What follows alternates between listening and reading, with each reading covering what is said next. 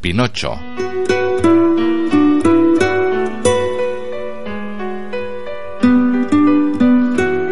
El vell fuster Geppetto va fabricar un ninot de fusta i li va quedar tan bé que li va posar de nom Pinocho.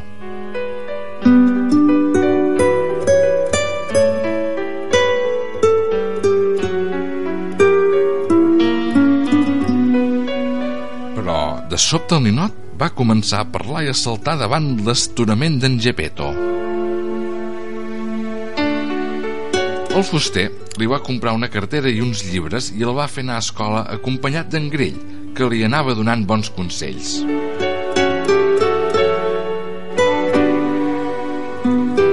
Però en Pinotxo s'estimava més divertir-se al teatre de titelles i no li feia cas al seu amic.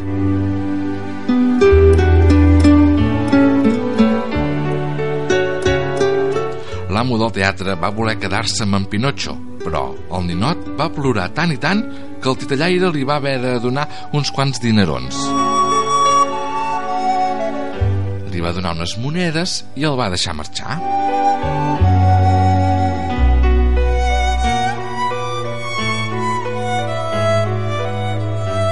De tornada a casa, se'n va anar amb la guineu i el gat, dos lladres astuts, sense fer cas d'en Grill.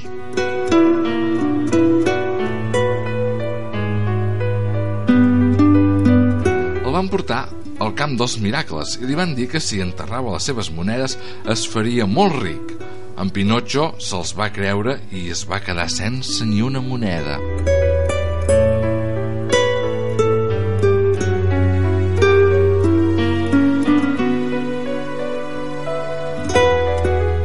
Quan en Pinotxo s'adonà de l'engany, va decidir tornar a casa. Però un colom li va dir que en Geppetto havia anat a buscar-lo al mar. Mentre feia camí es va trobar amb molts nens que anaven al país de les joguines i a l'instant es va oblidar de les seves obligacions i se n'hi va anar.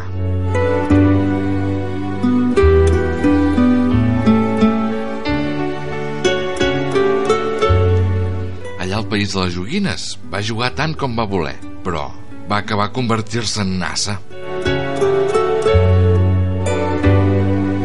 I va plorar i plorar, empenedit, fins que una fada bona se'n va compadir.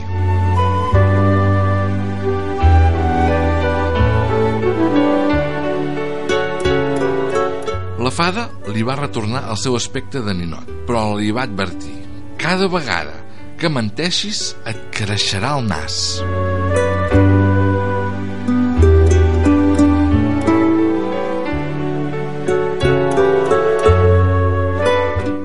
Pinotxo li va prometre a la fada bona que mai més no diria mentides. I llavors, en Pinotxo i en Grill van sortir cap al mar tot buscant en Geppetto.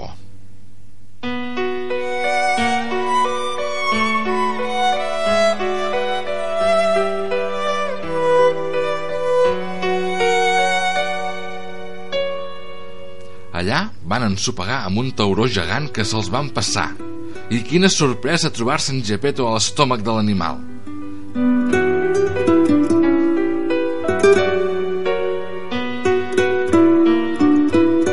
Llavors, el tauró va fer un badall d'aquells tan grossos i van poder escapar-se en Geppetto i en Pinotxo.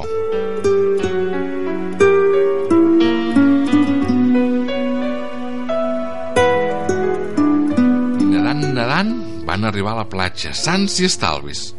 La fada va transformar en Pinotxo en un nen de carn i ossos.